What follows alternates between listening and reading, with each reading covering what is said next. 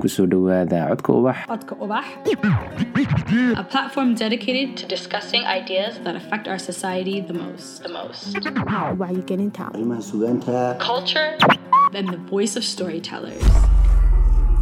qof kasta oo aadam yahay noloshan maalin mucayana buu yimaadaa ilaahay keenaa waqti iyo zaman ilaahay u gooyey ayuu ifka joogaa. Kabacdina maalin alle og yahay ayuu rabbi haddana ka oofsadaa oo uu tii alleh u timaadaa oo alle u noqdaa qof waliba inta uu ifka joogo qofkii alle ku sima ee ku qaangaadha intaa uu nool yahay camalka uu falay tu aakhiro iyo tu adduunba raadka uu dhigay ayuunbaa aakhirka ugu dambeeyana noqda raandhiis u yaalla. Dad baa jira xaafadu noola oo xaafad ku noola saameyntoodu intaa ma dhaafto. Yeelkeeda hadda intaa hadday sama kula nool yihiin samahoodu waxtar hadha buu yeeshaa hadday shar kuna nool yihiinna sharkoodu iyagu u yaallaa. Dad baa jira bulsho dhan saamayn ku yeesha. Adduunka gebigiisaba gaalaa baxa. Ambiyada iyo rususha alla soo diray baa ka mida maxamed baashe xaaji xasan wuxuu ahaa nin runtii raad noloshiisa kaga tegay taariikhduna ay raadkaas ku xusi doonto. Kaasi waxa uu ahaa rashiid sheekh cabdilaahi gadweyne. Kusoo dhowaada codka ubax. Waa qeybtii afraad ee kalkii labaad. Allah u naxariista waxaa maalintii khamiistii bisha juun sideed tobankeedii sanadka labada kun iyo labaatanka cisbitaal ku yaalla magaalada london ku geeriyooday maxamed baashe xaaji xasan maxamed baashe waxa aanu ilaahay uga baryaynaa inuu jannooyinkiisa ugu sarraysa ku casuumo. Addoon la jecel yahay ayuu ahaaye in ilaahay agtiisana laga jeclaado. Maxamed baashe waxa uu ahaa qof khibrad iyo shaqooyin kala duwan leh. Waxa uu ahaa qoraa caan ka ah bulshada soomaalida dhexdeeda oo saameyn badan ku yeeshay. Waxa uu ahaa saxafi sidoo kalena waxa uu ahaa halgamaa sida ay sheegeen dadka asxaabtiisa ahaa ee ugu dhowaa. Barnaamijkan waxay kala qayb qaadanaya dad tiro badan oo dhinacyo kala duwan ka eegi doona waayihiisii iyo waxqabadkii maxamed baashe. Sidoo kale waxaa barnaamijkii la daadihinaya walaalkii boodheri warsame oo ah qoraa iyo turjumaan. Boodheri ku soo dhowow barnaamijka codka ubaxa mahadsanid eh, ismaaciil waa markii iigu horreysay codka ubax aad baad u mahadsantahay waa dhowaa boodheri kumuu ahaa maxamed baashe dad baa aada iiga yaqaana maxamed baashe muddo gaaban baan anugu eh, aqiinay. Laakiin muddadaan aqiinay ayuu ahaa qof aan wax badan ka faa'iiday oo wax badan ka bartay. Eh, maxamed baashe yuu kuu ahaa kumuu kuu ahaa haddii aniga la yiraahdo waxaan odhan lahaa walaal iga weyn buu ii ahaa. Oo aan wax badan ka bartay. Nin badan buu ahaa qof wanaagsan buu ahaa. Addoon ilaahay oo suuban buu ahaa. Wuxuu ahaa qof wax laga dheefo markaad la kulanto. Kolley waa layga badiyaayoo barnaamijka waxaa nagula jira eh, rashiid sheekh cabdulaahi eh, garweyne iyo cabdi faarax saciid juxa oo ay muddo afartan sano ka badan saaxiiba ahaayeen. Wuxuu dhashay kun iyo sagaal boqol iyo lixdan iyo saddexdii ayuu wuxuu ku dhashay deegaanka maygaagle ee sacmadeeqo ee aagga buuhoodle tuulada balidhiig ayuu ka bilaabay eh, waxbarashada dugsiga hoose iyo qur'aanka. Markii dambana dugsiga dhexe iyo sare wuxuu uga baxay hargeysa ayuu uga baxay. Wuxuu ahaa qof ahaan maxamed baashe shaksi dun wanaagsan soomaali wanaagsan buu ahaa. Wuxuu ahaa nin bulshaawi ah eh, wuxuu ahaa nin furfuran oo bashaash ah. Wuxuu ahaa nin qalbi xaaran oo xabiib ah wuxuu ahaa nin xumaha neceb oo damqada ayuu ahaa. Dhinaca kale maxamed baashe wuxuu ahaa eh, nin afka iyo dhaqanka iyo suugaanta hibo gaara u leh. Malaha gobolkii uu ka soo jeeday oo hawdka oo afka iyo suugaanta iyo caanku ahaan jirayna eh, meel bay kaga soo duxaysay. Laakiin wuxuu ahaa nin hibadaas leh oo codkar oo aad moodaysa afka soomaaligu inay khaanada ugu jiraan oo hadba kan uu rabo si fudud kula soo baxa kun wuxuu ka mid ahaa dhallinyaro ee ka gadootay cadaadiskii dowladdii kacaanku marka ay ka waday gobollada waqooyiga oo kacdoon ka sameeyey. Dabadeed wuxuu ku biiray ururkii dhaqdhaqaaqa wadaniga soomaaliyeed oo markaa ka soo dagaalamayay snm ka soo dagaalamayay etoobiya idaacaddii radio halgan ay ka mid asnaayeen jabhaddii s s d f iyo snm ayuu shaqo ka bilaabay. Wuxuu ka mid ahaa dhallinyaradii firfircoonayd ee dhinaca snmta runtii codkooda aada loo dhegeysan jiray oo caan ku ahaa xagga idaacadda. Marka la eego barnaamijyadii wararkii iyo faallooyinka iyo waraysiyada iyo nin waxaa ku caan baxay ayuu ahaa. Markii dambe deeq waxbarasho ayuu wuxuu ka helay dalka jugoslovakia magaalada baraag buu tegey oo ku baranayay saxaafadda iyo siyaasadda. Halkaas uu kaga qalin jabiyey sagaashan iyo saddexda bilowgeedii oo digriga lagabaad uu ka qaatay. Kun iyo sagaal boqol iyo saddex iyo siddeetankii ayuu maxamed baashe isagoo dhallinyaro ah iigu yimi magaalada addisababa waxaanu isugu nimi raadiyo halgan waa markii raadiyo halgan uu noqday raadiyo halgan waxaan ka wadaa raadiyo kulmis buu ahaa oo jabhadda s s d f ayaa lahayd. Waa markii s n m iyo s s d f ay wadaageen raadiyowgaas ee loo bixiyey raadiyo halgan wuxuu ahaa dhallinyaradii ugu horreysay ee dhinaca s n m ka howlgasha raadiyowga aniguna dhinaca s n m ta ayaan uga madax ahaa raadiyowga halkaasaanu maxamed baashu ku kulannay. Halkaasaan ku bartay shakhsiyaddiisa. Ka horna wuxuu ka mid ahaa dhallinyaradii labiyo siddeetankii mudaharaadka hargeysa ka dhigtay ee dhagaxtuurka loo bixiyey. Kabacdina intay ka soo baxeen bay sanam ku biireen dhallinyaradaasi badankoodu.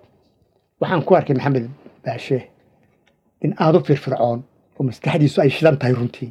Ifayso nin aada u jecel inuu halgan midho dhal ah galo oo uu guul ka keeno. Wuxuu ahaa nin yaroo aqoon iyo cilmi u haraadan waxay ka muuqatay su'aalihiisa joogtada ah. Maskax su'aal badan buu lahaa oo doonaysa inay wax fara badan adduunkan ka ogaato iyo halgankan uu ku jira laftiisa su'aalo badan ka soo jeedinaya. Marka muu ahay nin wax baranaya oo qura ee nin anigana wixii baraya buu ahaa. Wuxuu ahaa nin biirinaya oo biirsanaya. Runtii waxaan kaloo ku jeclaaday maxamed baashe waagaa nin dhallinyaro ah oo da'daasa oo adda sababa iyo etoobiya jooga. Akhlaaqda iyo dhowrsoonaanta uu lahaa bal wadda dhallinyaro fara badan jiidanaysay sida uu uga dhowrsoonaa isaga ilaalin jiray taasaan iyadana aad ii cajab gelisay oo aan ku jeclaa maxamed baashe waqti aan filaya inay ahayd toddobiyo siddeetankii ayaanu u diray dalka jugoslafakiya isagiyo dhallinyaro kale.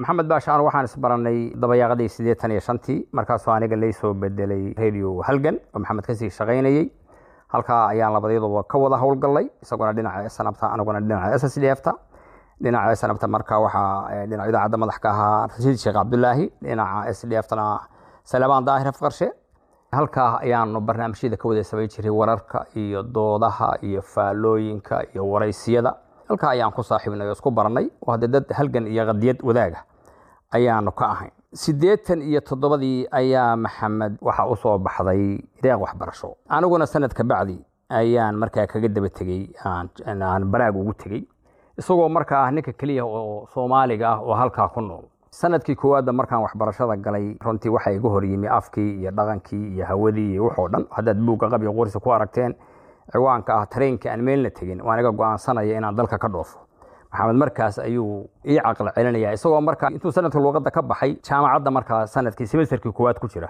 Uu leeyor waxaan anaguba waa soo maray waa sanadka hore adkayso. Isku jaamacad baan gelaynaa isku kuliyad baan dhiganaynaa laba qol oo soo horkajeed ayaan degaynaa digsiga ayaanu wada karsanaynaa. Halkaas ayaan muddana kuwada noolayna waxaanu ahayn laba ardayda keliya oo soomaaliyeed oo isku jaamacadaho isku guriyo halkaa jooga oo wax wada barta. Wuxuu ahaa nin waxbarashada ku wanaagsan oo jaamacadda dhibco sare kaga baxay.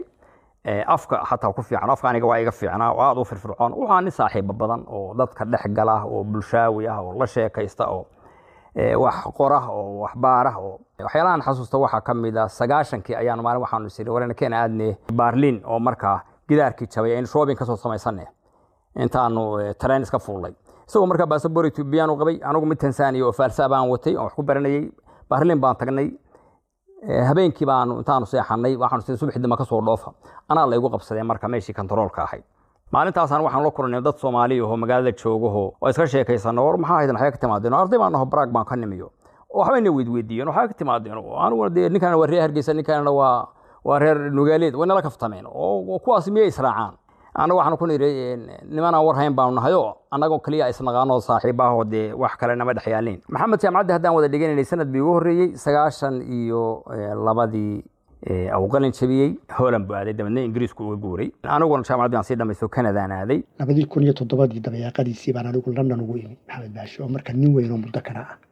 Guursaday oo xaasa carruur leh shaqaysta.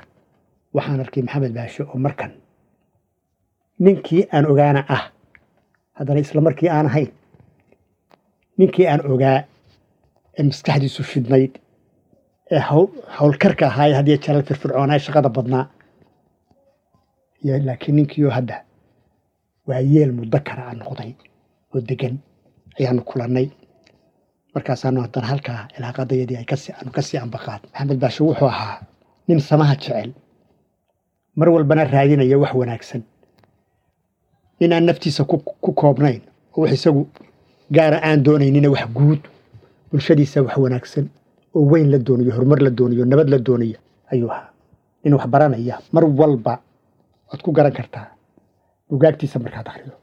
Qoraabuu noqday. Bugaag soo saara. Waliba dhinaca suugaanta iyo siyaasadda. Labadaba si weyn ugu dhuundaloolaa oo xaqiiqa raadisa.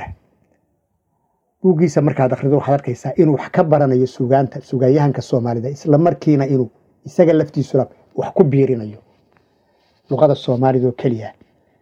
Markaad u fiirsato siduu u kocbinayey wuu baranayaa waanu biirsanayaa. Faalaha maxamed baashe ku arkay.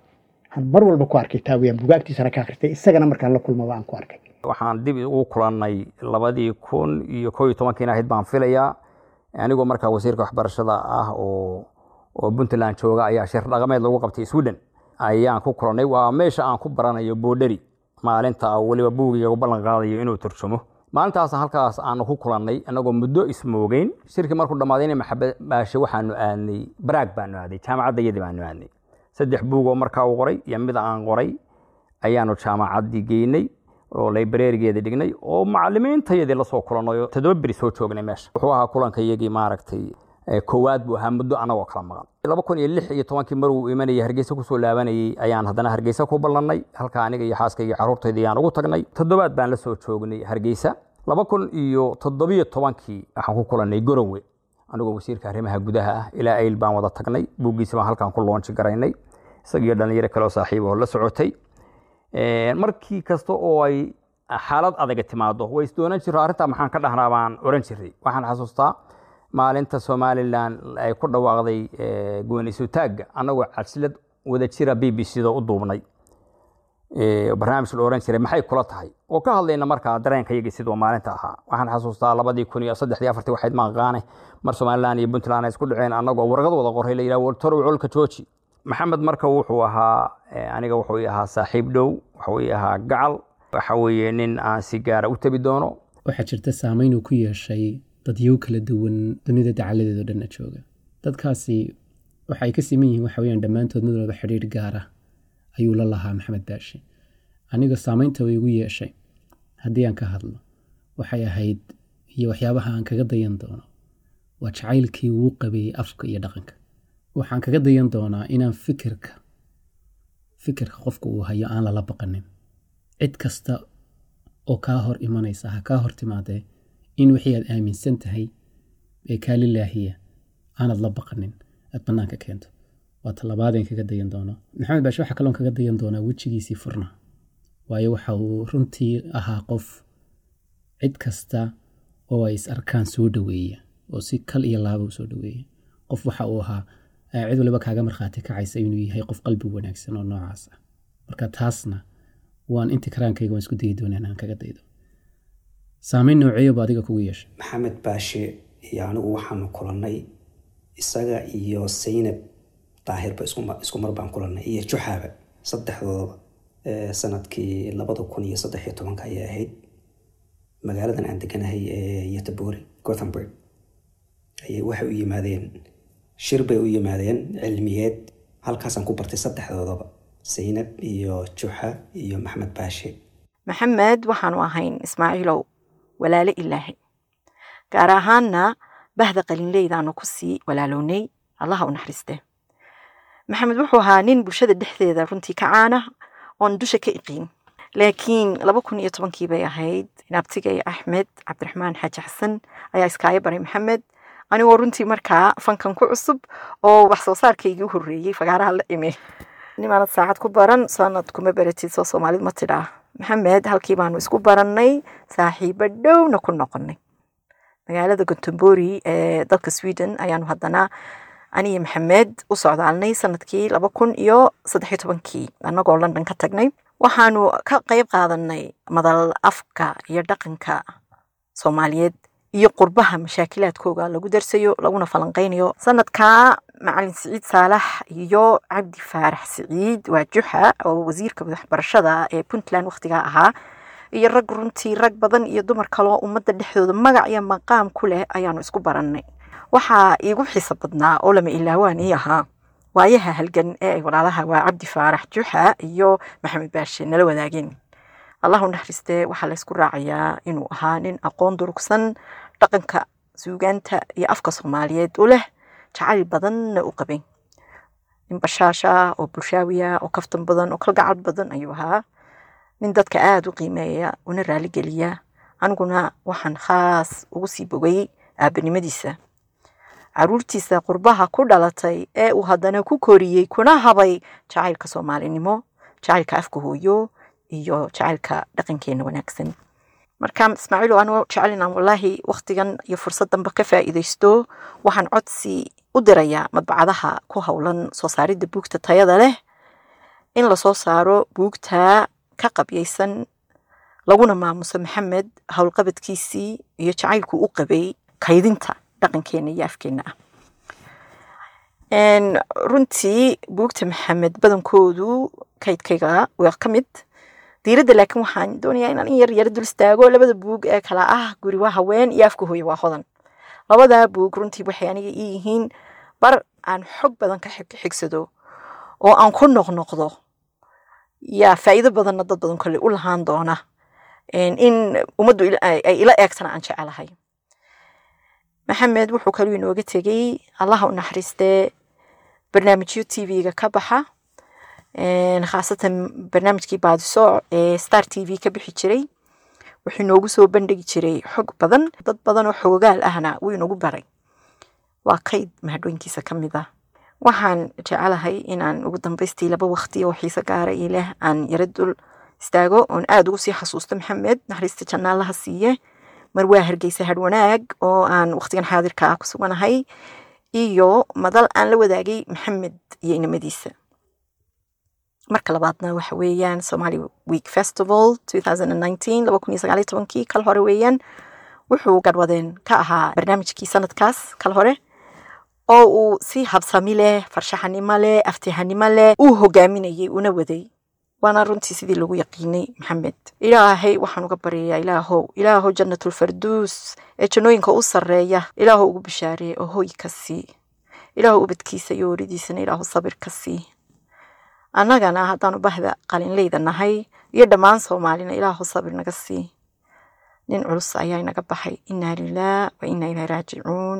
Waxyaalaha aan aadka ugula yaabay maxamed baashe isagoo ah qof maaragtay dadka saameyn ku leh oo la yaqaano meeshuu tagaba lagu soo dee lagu soo xomeeyo ayuu ahaa qof aan isweynaysiinin cidna iska weyneyneyn shaksiyadda maxaa idinka dhexeeya labadiin maxaad isu biirin kartaan wanaaga buu mar walba eegi jiray mar walbana wuxuu aada uga fikiri jiray oo aad hadaladiisa mar walba u hadlo inuu leeyahay waxaa lagaa dheefo isagana waxaad uga bahato inaad isla markaa ka helayso. Su'aashaad weydiiso isla markaaga jawaabo. Halqabsigiisu aniga iigu yeero wuxuu ahaa bowe. Mar walba isoo waco. Bowe seeta. Taleefonkiisa inaa hela aad baan u jeclaan jiray. Walaalka iga weyn oo isoo wacay oo wax fiican ii wada unbaan mar walba rajaynay. Shaqadii ugu dambeyso aan wada qabanay waxay ahayd waxaan kala shaqeeyay buuggii ugu dambeeya hadda uu gacanta ka qaaday allah u naxariistay abwaan cali suwille uu ka qoray. Ayaan kala shaqeeyay buugga anigaa tafur jiray. Qof sanduuqiisa buuxuu ahaa sanduuqiisa cilmigu aada u buuxo. Qof kale oo uu saameeyey amaba ay saamaysay nolosha maxamed baashe. Waa xamde cigaal. Maxamed baashe xaaji xasan waxaan bartay sannadkii laba kun iyo lix. Waxaan ku bartay buuggiisii halka haleel ee sooyaalkii iyo suugaanta hadaraawi qeyb ka mid ah uu ku ururiyey wuxuu ahaa qofkii ugu horreeyey ee ugu xidhay hal abuurka iyo shaqsiyadda hadaraawi ee aan laga giyooneyn dhammaan buwaagtiisa kalena marar kala duwan ayaan akhriyey. Qoraalkiisu waa albaabka aan ka galay af aqoonnimadiisa oo wax badan oo af soomaali ah aan ka bartay runtii. Maxamed waxaanu isbaranay si shaqsi ah markii uu dalka dib ugu soo laabtay. Marar badan oo aanu maxamed sheekaysanay wuxuu ku fooganaa oo danayn badan u hayay sida ugu habboon ee qallooca hogaanka siyaasadda ka jira loo sixi lahaa. Maxamed waxaan ku xasuusanayaa inuu ahaa qof aada u qalbi wanaagsan qof dhiiran oo sida uu xaqa u arkayo sheega qof karti badan oo jecel inuu dhalinyarada la haasaabo islamarkaana wixii karaankiisa ah taro. Marka laga tago fanka iyo suugaanta waxaa kale oo uu lahaa dabeecad ay ku yaqaaneen dadkii muddada dheer ays yaqaaneen taasoo ah in wixii uu aaminsan yahay aanu la gabanin fikirkiisana uu bannaanka keeno. Maxamed baashe wuxuu allah yarxamo nin aada u hal adag oo dood adag oo wixii isaga markaa run iyo xaq ugu muuqda aada ugu adag oo aan ka loodsamin iyadoo la tuso wax ka maqan ama waxtiisa ka duwan oo xaqiiqo ah marka la tuso nin qabsooma buu ahaa. Laakiin haddii halkaa laisla gaadhin nintiisa ka loodsama mu ahayn. Nin si fudud loo dabciyo ma ahayn. Taasi marar badan waxay u kasabtay. Markuu mowqif qaato maxamed baashi nin mowqif adag buu ahaa. Mowqifkiisii aragtiisa ninku adag buu ahaa. Marka uu qaato nin si kula lagu dooda buu ahaa. Taasina maxay keeni jirtay? Waxay ku keenaysay marar fara badan cadaawad badan inay u samaysato. Sida loo calaadiyo maxamed baashi uma colaad qaadan jirin isagu. Waa iyana sifo kale oo aan maxamed baashe ku jeclaa. Kuway fikirka isku diidan yihiin. Marka ay ku colaadiyaan fikraddiisa isagu kuma colaadin jirin tiisa tooda kuma colaadinaynin. Tiisun buu ku adkaysanayay marar badan bay hadalxumo fara badan uga imanaysay dadka qaarkood. Waxaan ku jeclahay inaanu waxyaabaha safaasihda ee sufahiinta luqada safiiha inaanu isagu marnaba u jawaabi jirin. Ee ka adkaysan jiray tiisana ku adkaysan jiray aflagaada iyo afxumana aanay ka bixi jirin. Taana waan ku jeclaa. Dadka yar ee qadiyadda aaminaha ayuu ahaa. Wuxuu ahaa nin aragti ka duulah yoolle ah. Dabeedna waxa uu aaminsan yahay taa saldhig ka dhigta ayuu ahaa oo ilaa iyo siddeetan iyo labadii maalintii uu dhaqdhaqaaqa ururka ardaynimada uu ka bilaabay ilaa maanta oo uu dhintay oo uu hormuud u ahaa ururkii ama dhaqdhaqaaqii mar kale iyo midnimo. Wuxuu ahaa nin aragti iyo qadiyad leh buu ahaa. Wuxuu ahaa maxamed dadka waxay aaminsan yihiin la bareera ku dooda. Su'aasha u dambaysa aan jeclaan lahaa inaan ku soo gebagabayna waxay tahay dhammaantiin aan weydiinayaa dhaxal nooceey ah ayuu ka tegey maxamed baashe xaaji xasan. Boodhare adigoo ku bilaabaya bugaagtiisii wax soo saar aada u wanaagsan buu yeeshay aada buu u dadaalay buugta ay ka mid yihiin buugga uu ka qoray abwaan hadraawi halka haleel afka hooyo waa hodan. Waxaa jira buugga kaleo isaguna qaaliga ah ee isagana dib loo daabacay isagoo aada u qurux badan ee la yiraahdo guriwa haween waxaa kamida buugga kaleo isaguna qaaliga ah uu ka qoray xaaji aadan afqalo allah u naxariiste. Midka ugu dambeeyo aan wadnay isaga waday wuxuu ahaa wuxuu ku saabsan yahay waayihii iyo waxqabadkii abwaan cali sugulle dun carbeed qof ilaahay qalinkiisa u barakeeyey buu ahaa cilmigiisa ilaahay u barakeeyey maxamed baashe dhaxal weyn buu ka tegay oo dad dhifa ay ka tagaan. Dhaxalka maxamed baashe ka tegay waa dhaxal laisu sii dhiibayo jiilba jiil u dhiibayo wey. Maxamed baashe dad buu beertay. Waxaa ka mid a sheekada uu nala wadaagay ninka dhalinyarada reer hargeysa ee dadaalka badan maxamed haldoor isagoo oon garanayn intuu intay kulmeen. Ilaa uu mihnadii uu jeclaa intuu gacanta qabtay dhex geeyey ilaa uu tv-ga ka hadal yiri waa markaan akriyo micnaa aad waa isagii baa ii sawirmir ruuxiisii kuwo kaloo tiro badan baan akriyo tacsiyo badan oo la soo diray aniga sidaasaan isu ahayn sidaasuu yeelay halkaasuma taasuu ii qabtay. Markaan wada akhriyey maxamed baasha ii sawirmay ilaahay ha u naxariisto jannada firduusana allah geeyo. Nin nolosha raad la xusuusta kaga tegey. Raad kooban maaha oo ay xaafad xusuusato ummadda soomaaliyeedeen oo dhami soomaali oo dhammi raaday ku xusuusan doonto ayuu maxamed baashi ka tegey ilaahay ha u naxariisto. Soomaalida wuxuu uga tegay dhaxal aan lagu xasuusan doono. Marka aad eegtid ciwaanada nooca uu adeegsanayay maxamed baashi oo halaan tabayey halka haleel haltis qaaday waxaad moodaa inuu sii arkayey in nin waq saacadi ku socoto oo mudnaanta kala dooranaya oo kee ku hormaraysaa hadraawi baa ugu muhiimana ka gaarsiiyey afqalooc ku xejiyey cali sugulle eeg gabdhaha wax ka dheh afka. Waxaad moodaa inuu yahay nin wax u qorshaysan yihiin mawduucyada uu qorayey. Runtii mid waliba midka kale uu ka qiimo badan yahay oo ah waxa ugu weyn oo lagu xasuusan doono.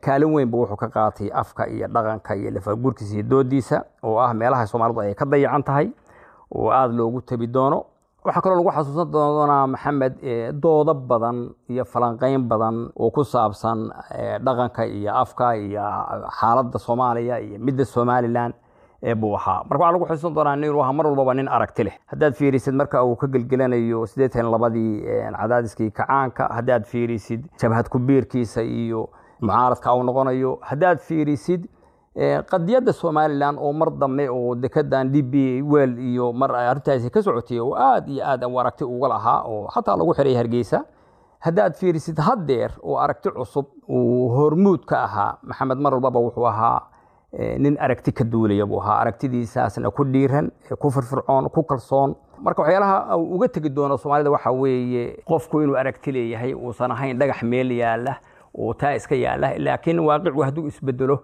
aragti kale dhalin kara. Taas ayaa noqon doonta dhigaalka lagu xasuusan doono waqtiga dheer. Runtiina su'aal buu nooga tegey ah wixii uu samayn karay xilligiisi wuu sameeyey wixii intii uu ka gaari waayey jiilka ku xigaa inay sameeyaan oo xasuustaan oo ay sameeyaan taasuu nooga tegey. Ilaahay ha naxariiso maxamed baashi xaaji xasan samariimaana ilaahay dhammaanteen ka siiyo qoyskii iyo caruurtii iyo qaraabadii uu ka tegey soomaali oo dhan reer somalilan oo halgan dheer taariikhdeeda iyo halgankeeda uu ka soo galay dhammaan waa uga tacsiyanaya samariimaan dhammaanteen. Aamiin ilaahay ducada haynaga aqbalo. Isaga ilaahay ha u naxariisto. Innagana samiri iiman haynaga siiyo. Waxaan ku soo gebagabaynayaa qoraal uu maxamed baashe la wadaagay bulshada ramadaantii dhoweyd oo sidan u dhignaa. Aniga oo ah maxamed baashe xaaji xasan oo ka faa'iidaysanaya fadliga soonqaadka. Waxa aan caawa saamaxayaa oo cafinayaa qof kasta oo wax iga tirsanayay. Aniga oo og in ay jiraan dad muddooyinkii dambe si toos ah iyo si dadbanba ugu gafay qofnimadayda iyo xaqa aragtidayda. Kuwaas iyo inta kale ee aanu si uun isu qoonsannahay waa iga cafis iyo musaamax dar alleh ayaa idiin cafinayaa ma cafe ma caafimaado. Forgiveness is like medicine ciddii si uun wax iiga tirsanaysa. Waxaan ka codsanayaa inay caloosha iga sii daayaan oo i saamaxaan. Ilayn carab iyo labadiisa daan baa isugu dhow oo waa isqaniinaane. Waxaan qof walba ka codsanayaa inuu u duceeyo marxuumka maxamed baashe xaaji xasan in ilaahay jannadiisii geeyo inagana samriya iimaan uu inaga siiyo. Asalaamu calaykum waraxmat ullaahi wabarakaatu